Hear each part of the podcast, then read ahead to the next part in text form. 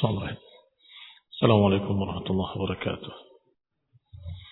إن الحمد لله نحمده ونستعينه ونستغفره ونعوذ بالله من شرور أنفسنا ومن سيئات أعمالنا من يهده الله فلا مضل له ومن يضلل فلا هادي له وأشهد أن لا إله إلا وحده لا شريك له وأشهد أن محمدا عبده ورسوله صلى الله عليه وعلى آله وأصحابه والتابعين وتابع التابعين ومن تبعهم بإحسان إلى يوم الدين. يا أيها الذين آمنوا اتقوا الله حق تقاته ولا تموتن إلا وأنتم مسلمون. يا أيها الناس اتقوا ربكم الذي خلقكم من نفس واحدة وخلق منها زوجها وبث منهما رجالا كثيرا ونساء. واتقوا الله الذي تساءلون به والأرحام. إن الله كان عليكم رقيبا.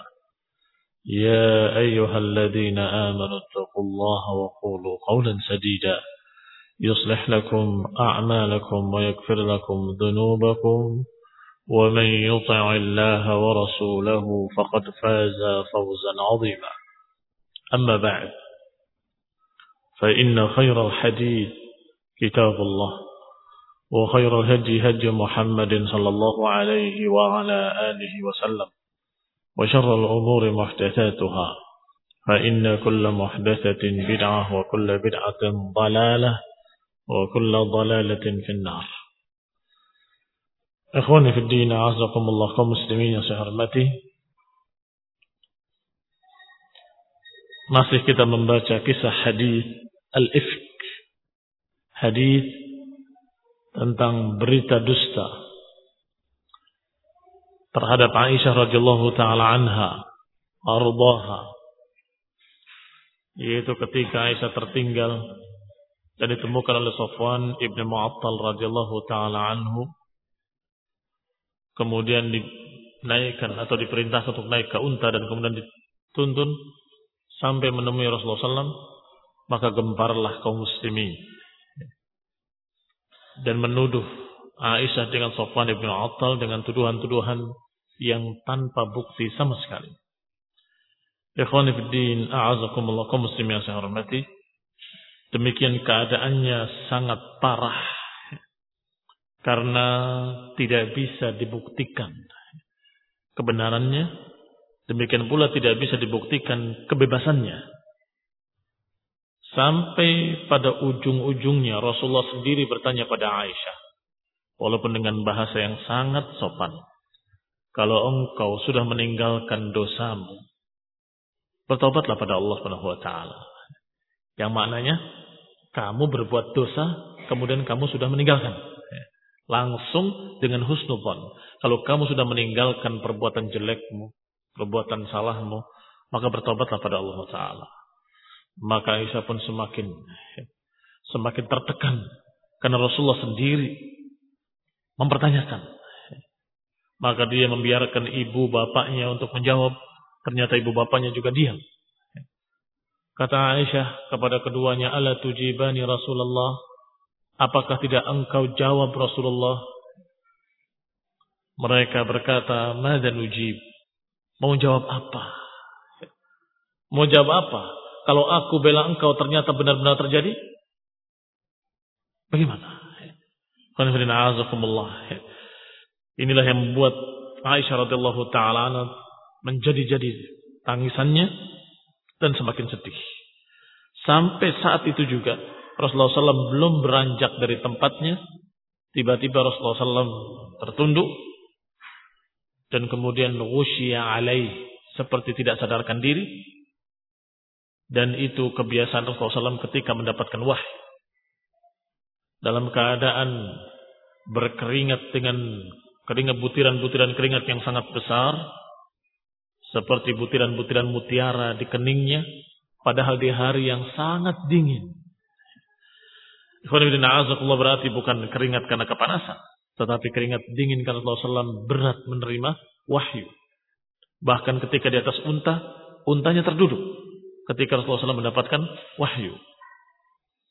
Maka saat itu Rasulullah SAW dalam keadaan tertegun sejenak dengan berkeringat dan semua yang hadir tahu kalau Rasulullah SAW sedang menerima wahyu.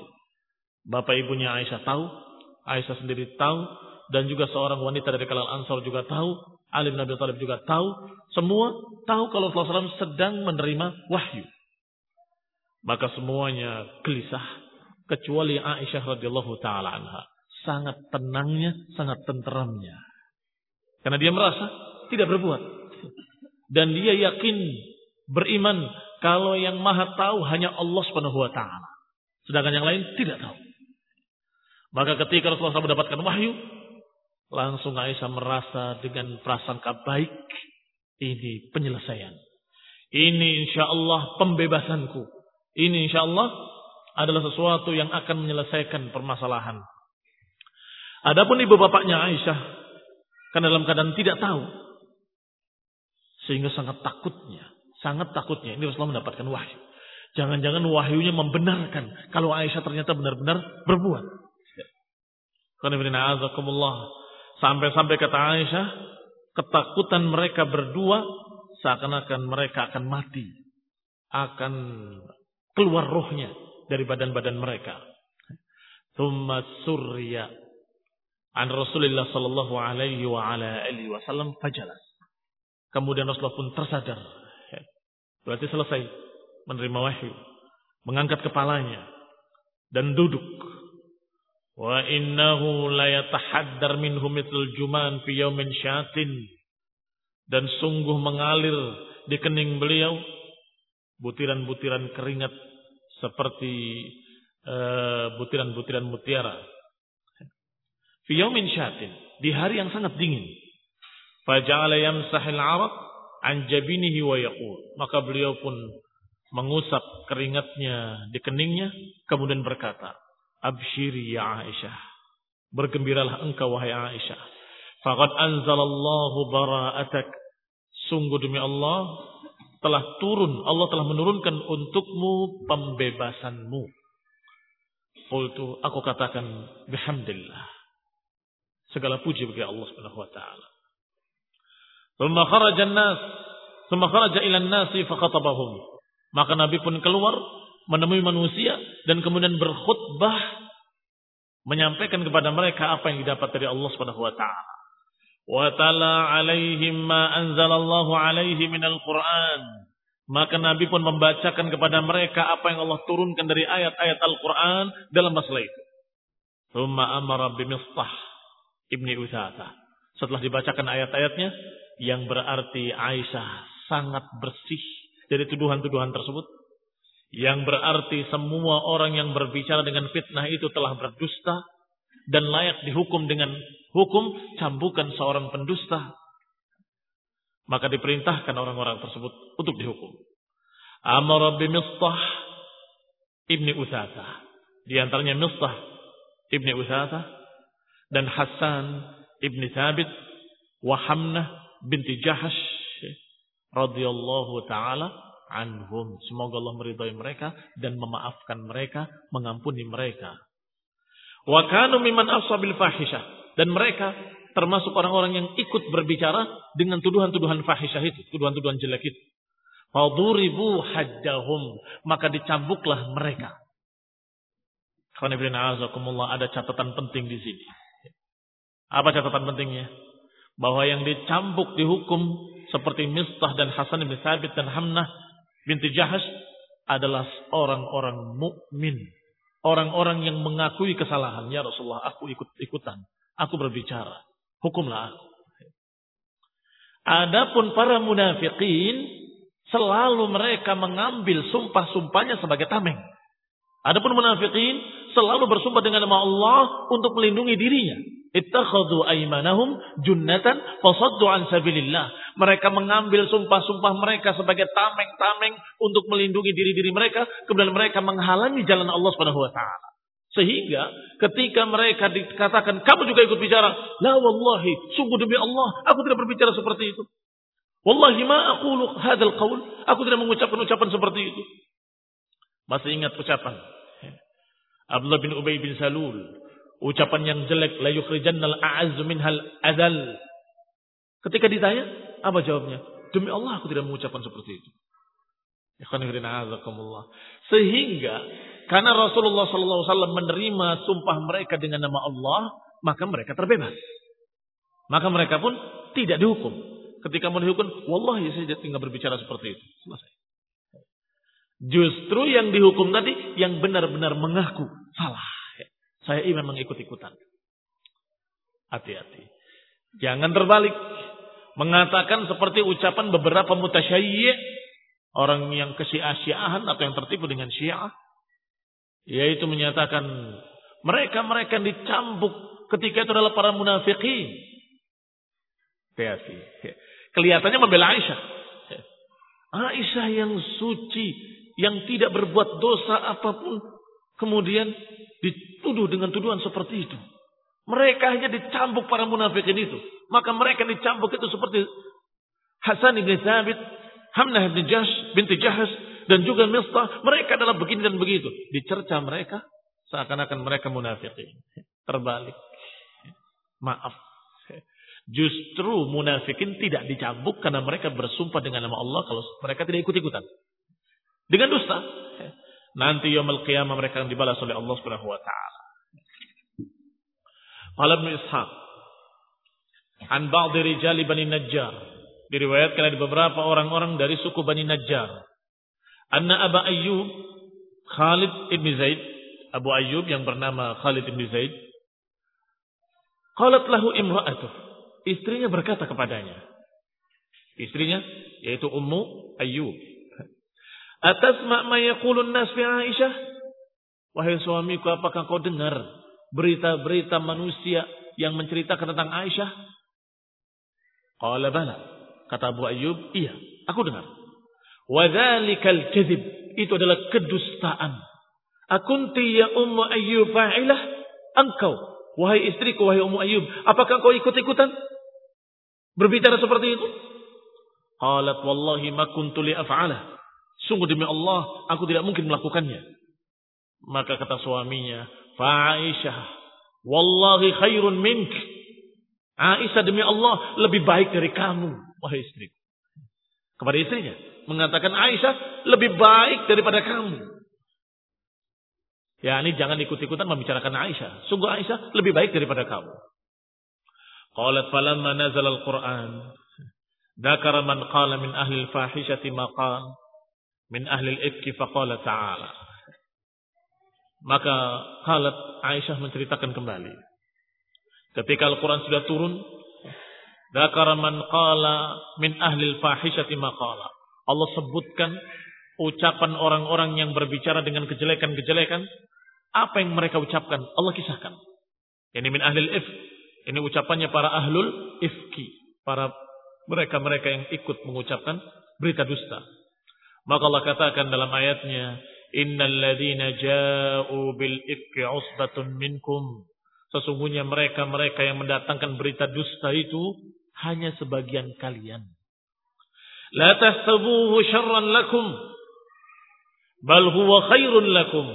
Jangan kalian kira kalau itu jelek buat kalian. Bahkan itu baik buat kalian. Azakumullah, yakni kalian di sini adalah Rasulullah SAW dan keluarganya, para istri-istri Nabi. Jangan dikira bahwa fitnah terhadap Aisyah ini adalah kejelekan buat kalian, tidak. Justru khairun lakum, lebih baik buat kalian. Likulli mri'in minhum maktasaba minal ithim. Adapun masing-masing dari mereka yang ikut-ikutan masing-masing mendapatkan dosanya. Walladhi tawalla kibrahu minhum lahu adabun azim dan yang ikut andil terbesar maka mereka mendapatkan adab yang besar. Di antaranya disebutkan adalah Abdullah bin Ubay ibn Salul. Sedangkan di sini disebutkan dari Hasan ibn Sabit wa ashabuhu alladziina qalu maqal. Laula istami'tumuhu. Kalau saja kalian itu mendengar berita itu, dhannal mu'minuna wal mu'minat, kemudian orang beriman laki-laki dan perempuan kemudian menduga dengan dugaan-dugaan yang baik, dhanna bi anfusihim khaira, mau mereka berprasangka dengan prasangka baik, maka itu lebih bagus buat mereka.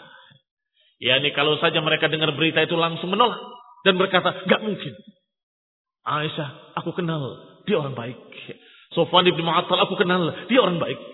Kalau saja mukminun wal mukminat yadhunnuna bi anfusihim khaira, kalau saja mereka berprasangka pada diri mereka dengan prasangka-prasangka yang baik, maka mereka akan selamat.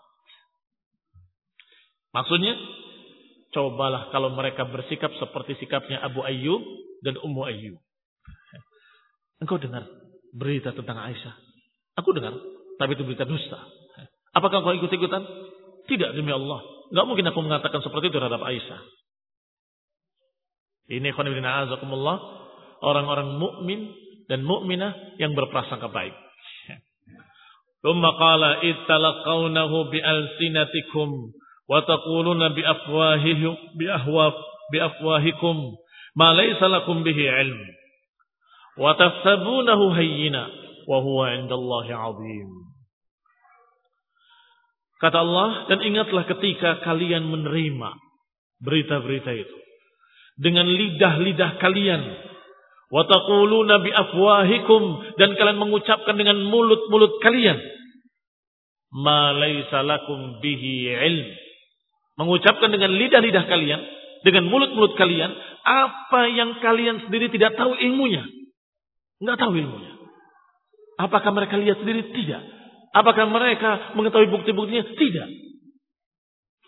Berarti kalian berbicara tanpa ilmu. Watahsabunahu hayyina dan kalian kira bahwa itu ringan. Kalian kira itu adalah enteng. 'indallahi 'azim. Padahal ucapan seperti itu di sisi Allah azim, sangat besar. Mencerca seseorang yang mulia, yang tidak berbuat jelek, tidak berbuat salah, menuduh dengan tuduhan-tuduhan dusta. Ini jangan dianggap enteng, ini azim. Hayyina. Jangan dianggap ringan, jangan dianggap enteng. Ini perkara besar, perkara berat. Apalagi berkait dengan istri Rasulullah sallallahu alaihi wa ala alihi wasallam.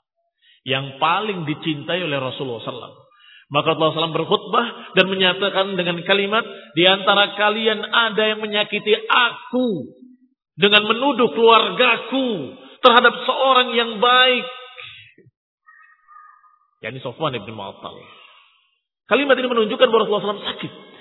Sehingga perbuatan mereka bukan hanya menuduh Aisyah. Satu, menuduh Aisyah. Kedua, menyakiti hati Rasulullah SAW. Ketiga menuduh Sofwan ibn Mu'attal yang baik pula. Sudah tiga orang terzalimi. Bahkan salah satunya adalah Rasulullah Sallallahu Alaihi Wasallam dan yang lain adalah istri Rasulullah Sallallahu Alaihi. Yang keempat, berarti mereka nantinya, naudzubillah, berarti menghalangi dakwah Rasulullah SAW, yaitu riwayat-riwayat dari Aisyah semuanya akan tertolak. Itu yang keempat. Yang kelima, mereka menjatuhkan Rasulullah SAW karena memiliki istri yang seperti itu. Padahal Allah Subhanahu wa taala setelah membantah berita tersebut, Allah katakan at-tayyibuna lit-tayyibat wat-tayyibat lit-tayyibin. Wanita yang baik untuk laki-laki yang baik. Wanita yang jelek untuk laki-laki yang jelek. Al-khabithina lil-khabithat. Qanifina azakumullah muslimin saharbati. Maka tidak mungkin Rasulullah yang mulia dipilihkan oleh seorang oleh Allah seorang pezina. Mustahil. Yang keenam berarti menuduh Allah tidak hikmah. Kalau menuduh Aisyah berzina. Berapa sudah itu? Perbuatan yang kalian anggap hayyin ternyata indallahi azim. Dan ini hukum mencerca sahabat. Hukum mencerca istri-istri Nabi sama hukumnya. Azim, bukan hayyin. Khonibina a'azakumullah kaum muslimin yang saya hormati.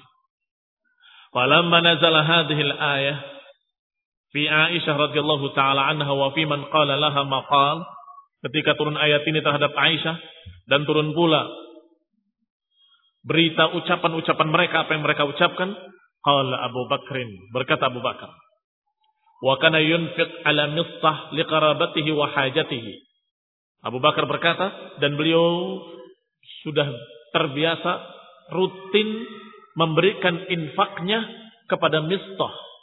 Kenapa? Liqarabatihi wa hajatihi. Karena mistah masih kerabatnya dan juga memang orang yang perlu dibantu. Setelah kejadian ini, Abu Bakar berkata, Wallahi la unfiq ala mistah syai'an abadan. Sungguh demi Allah, aku tidak akan lagi membantu, memberikan infaknya kepada mistah selama-lamanya. Wala anfa'uhu binaf'in abadan. Dan aku tidak akan memberikan manfaat kepadanya selama-lamanya. Alladhi qala li Aisyah wa adkhala alaina. Yaitu orang yang berbicara dengan tuduhan kepada Aisyah. Dan memasukkan fitnah ke keluarga kami. Demikian kata Abu Bakar Siddiq radhiyallahu taala anhu. Qalat Aisyah menceritakan lagi. Fa anzalallahu fi dzalik. Akhirnya Allah turunkan ayat itu untuk menegur Abu Bakar Siddiq radhiyallahu taala anhu. ولا يأتل أولو الفضل منكم والسعة أن يؤتوا أولي القربى والمساكين والمهاجرين في سبيل الله Janganlah orang-orang yang memiliki kelebihan harta dari kalian dan keluasan, jangan kalian menghalangi diri-dirinya untuk memberikan kebaikan kepada kerabat-kerabatnya, kepada orang miskin, kepada muhajirin fisabilillah. Wal ya'fu wal yasfahu. Hendaklah memaafkan, hendaklah memaklumi. Ala tuhibbuna an yaghfirallahu lakum wallahu ghafurur rahim. Tidakkah kalian suka untuk diampuni oleh Allah Subhanahu wa taala. Wallahu ghafurur rahim dan Allah Maha mengampun lagi Maha penyayang. Maka ketika turun ayat itu, apalagi ayat Allah Subhanahu wa taala yang lain menyatakan, la taj'alullaha 'urdatan biaimanikum. Antabarru. Janganlah kalian membawa nama Allah untuk sumpah-sumpah kalian dalam menghalangi kebaikan. Ya, ini Abu Bakar bersumpah dengan nama Allah. Wallahi. Tapi bersumpah dengan nama Allah untuk menghalangi kebaikan. Aku tidak akan memberikan infak lagi kepada dia selama-lamanya. La taj'alullah urdatan aimanikum. Jangan jadikan nama Allah sebagai sumpah-sumpah kalian dalam menghalangi kebaikan. Dalam menghalangi satu kebaikan. Jangan. Maka ketika ayat ini turun sampai pada kalimat apakah kalian tidak ingin Allah mengampuni kalian? Maka Abu Bakar langsung menjawab, As-Siddiq, seorang yang langsung percaya sami'na wa maka dia berkata, "Bala wallahi, inni la uhibbu an yaghfirallahu li." Sungguh demi Allah, aku ingin diampuni oleh Allah Subhanahu wa taala. Ketika ayatnya mengatakan, "Ala tuhibbuna an yaghfirallahu lakum?" Tidakkah kalian suka untuk diampuni oleh Allah? Maka Abu Bakar menjawab, sungguh demi Allah, aku suka untuk diampuni.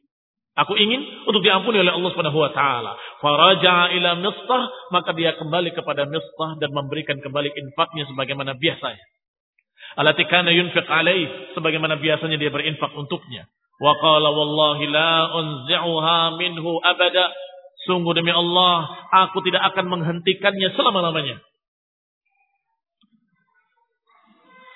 Demikian ikhwan bin a'azakumullah. Kisah tentang hadis al-ifk. Sampai Allah Subhanahu wa taala menurunkan ayat.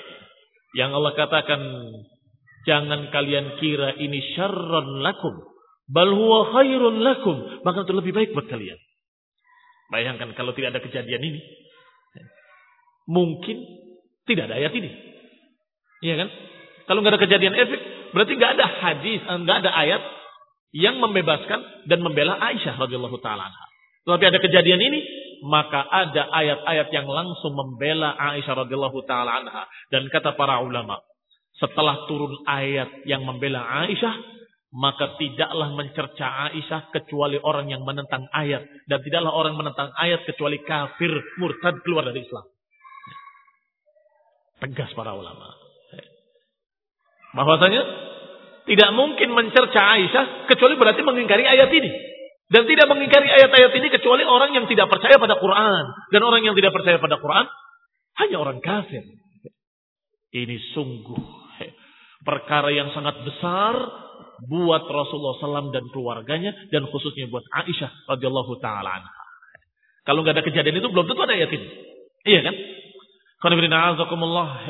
Yang berikutnya ada kisah Al-Hudaybiyah di akhir tahun ke-6 Hijriyah setelah hijrah. Thumma aqama Rasulullah sallallahu alaihi wa ala alihi wasallam bil Madinah syahr Ramadan wa Syawal. Wa kharaja fi dil Qa'dah mu'tamiran la yuridu harban. Maka selanjutnya Rasulullah SAW tinggal di Madinah bulan Ramadan. Setelah bulan Ramadan sampai bulan Syawal. Wa kharaja fi dil Qa'dah mu'tamiran la yuridu harban maka keluarlah beliau pada bulan Qa'dah untuk umrah. Tidak menginginkan perang, tapi untuk umrah. Wastanfarul Arab wa man haulahu dan mengajak untuk berangkat, memerintahkan untuk berangkat kepada semua orang-orang yang muslimin. Khususnya orang-orang Arab Badui, ahli bawadi yang tinggal-tinggal di tengah-tengah padang pasir juga diajak semuanya dari kalangan Arab liyakhruju ma'ahu untuk keluar bersama beliau umrah ke Mekah. Wa huwa yakhsha min Quraisy alladhi sana'u. Dan beliau mengkhawatirkan Quraisy terhadap apa yang pernah dilakukan sebelumnya. Maka dia mengajak semua kaum muslimin untuk berangkat. Bukan mau perang, tetapi supaya mereka tidak berani menyerang, diupayakan jumlahnya besar. Ayyaridu lahu biharbin aw yasudduhu anil bait. Rasulullah mengkhawatirkan jangan-jangan Quraisy akan menentang mereka atau memeranginya atau yasudduhu anil bait atau menghalangi dari Ka'bah dari bait. Tetapi ketika diajak orang-orang Arab, wal Arab kata Allah dalam Al-Qur'an asyaddu kufran wa nifaqan. Orang-orang Arab lebih dahsyat kufurnya dan kemunafikannya. Nanti di akhir kisah perjalanan Rasulullah SAW setelah wafat beliau, yang murtad adalah orang-orang Arab. Beberapa munafikin juga orang-orang Arab, orang-orang Badui. Ketika diajak oleh Rasulullah SAW untuk berangkat, fa'abta alaihi kathirun minal a'rab. Maka sebagian besar orang-orang Arab menolak. Diajak oleh Rasulullah SAW ke Mekah. Wa kharaja Rasulullah sallallahu alaihi wa ala alihi wasallam biman ma'ahu minal muhajirin. Maka berangkatlah Rasulullah SAW hanya dengan siapa yang bersamanya dari kalangan muhajirin dan dari kalangan ansar dan man lahiqan bihi minal arab dan siapa yang bergabung bersamanya dari kalangan arab hanya kurang lebih 700 orang saja. Wasaqa ma'ul hadiah. Maka Nabi membawa sembelihan-sembelihan untuk dijadikan sebagai kurban nanti di sana. Wa ahrama bil umrah dan beliau berihram untuk umrah. Liya'manan nas min harbihi. Berihram untuk umrah berarti berniat untuk umrah. Kalau niat untuk umrah sudah memakai pakaian ihram, sudah mengikuti aturan ihram, sudah dilarang dengan larangan-larangan pada larangan ihram. Apa saja yang dilarang dalam ihram? Tidak boleh berburu, apalagi berperang. Tidak boleh berburu, tidak boleh berperang, nggak boleh memakai minyak wangi, dan seterusnya. Pakaian juga khusus. Hanya dua kain saja yang disarungkan dan yang diselendangkan. Kenapa Rasulullah SAW menyuruh semuanya untuk berihram? Agar orang-orang musyrikin, kafirin, orang-orang Quraisy jangan takut. Dan jangan menganggap kita mau nyerang. Kami bukan mau nyerang. Kami mau ihram. Lihat. Kalau sudah seperti ini, kami nggak mungkin menyerang kalian. Kami nggak mungkin akan memerangi kalian. Lihat mananas min harbihi. Agar manusia merasa aman. Bahwa kaum muslimin tidak mungkin menyerang mereka.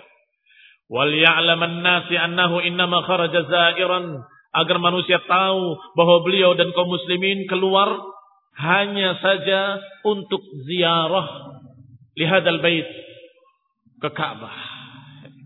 Wa mu'azziman lahu hanya untuk mengagungkannya, untuk memuliakannya sebagaimana biasanya ihram yaitu umrah. Kharaja Rasulullah sallallahu alaihi wa ala alihi wasallam hatta kana bi Usfan. Maka keluarlah Nabi, berangkatlah Nabi sampai ke daerah yang namanya daerah Usfan. Di sana beliau ditemui oleh seorang yang bernama Bishr ibn Sufyan al-Ka'bi. Bishr ibn Sufyan al-Ka'bi. Qala ya Rasulullah, hadhihi Quraisy qad sami'at bimasirah. Ya Rasulullah, ini adalah orang-orang Quraisy. Aku lihat mereka sudah bersiap-siap karena mereka sudah mendengar kedatangan engkau. Fakharaju ma'ahum al matafil. Mereka keluar dengan membawa unta-unta. Aud al-matafil adalah unta-unta yang sudah punya anak, unta-unta yang mengeluarkan susu, unta-unta yang demikian keadaannya, yang gemuk-gemuk. Dan biasanya orang Arab kalau keluar membawa unta yang seperti itu adalah untuk perjalanan lama. Kenapa dikatakan untuk perjalanan lama? Ya, ini mereka punya bekal yang bisa jalan sendiri. Punya bekal yang bisa jalan sendiri. Haus tinggal minum susunya. Ya. Lapar tinggal sembelih anaknya. Ya. Karena audul matafil maknanya adalah induk-indukan unta yang masih diikuti oleh anaknya di belakangnya. Ya. Jadi susunya ada, anaknya sembelih ada, silahkan. Dan tidak perlu dibawa berat-berat, bisa jalan sendiri bekalnya. Bekal, tapi bisa jalan sendiri. Demikian a'udzu al-matafi. Wa qad nazalu bi Kata Bishr Ibn Sufyan, "Ya Rasulullah, mereka sudah membawa unta-unta yang induknya dengan anak-anaknya. Dan mereka membawanya sudah sampai di Zitua. Yu'ahidun Allah la tadkhuluha alaihim abada." Bahkan mereka bersumpah dengan nama Allah bahwa kalian tidak akan boleh dan tidak akan mungkin untuk masuk ke Mekah selama-lamanya. Wahada Khalid ibn Walid fi. Dan juga ini Khalid ibn Walid dengan pasukan berkudanya. Qad qaddamuha ila Qura'il Ghamim. Mereka sudah berangkat menuju daerah Qura' al-Ghamim. Faqala Rasulullah wasallam, maka Nabi bersabda mengomentari berita yang disampaikan oleh Bishr bin Sufyan. Ya waiha Quraisy. Ya waiha Quraisy. Duhai celakanya orang Quraisy itu. Akalat humul harb.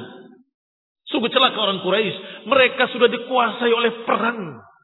Senangnya perang, perang, perang. Akalat hum al harb. Dimakan oleh perang. Ya, ini dikuasai oleh perang. Mada alaihim lau khalau baini wa baina sairil Arab. Kenapa sih? Kalau mereka membiarkan kami, membiarkan aku dengan orang Arab, Biarkan. Fa inhum asabuni kana dzalikal ladzi aradu. Kalau orang-orang Arab itu menimpakan padaku sesuatu yang jelek, maka Quraisy tinggal bersyukur saja. Iya kan? Karena mereka menginginkan aku mendapatkan sesuatu. Biarkan saja. Aku dengan manusia. Kalau aku diganggu oleh mereka, maka Quraisy tinggal menyatakan, "Ah, itu yang kami inginkan."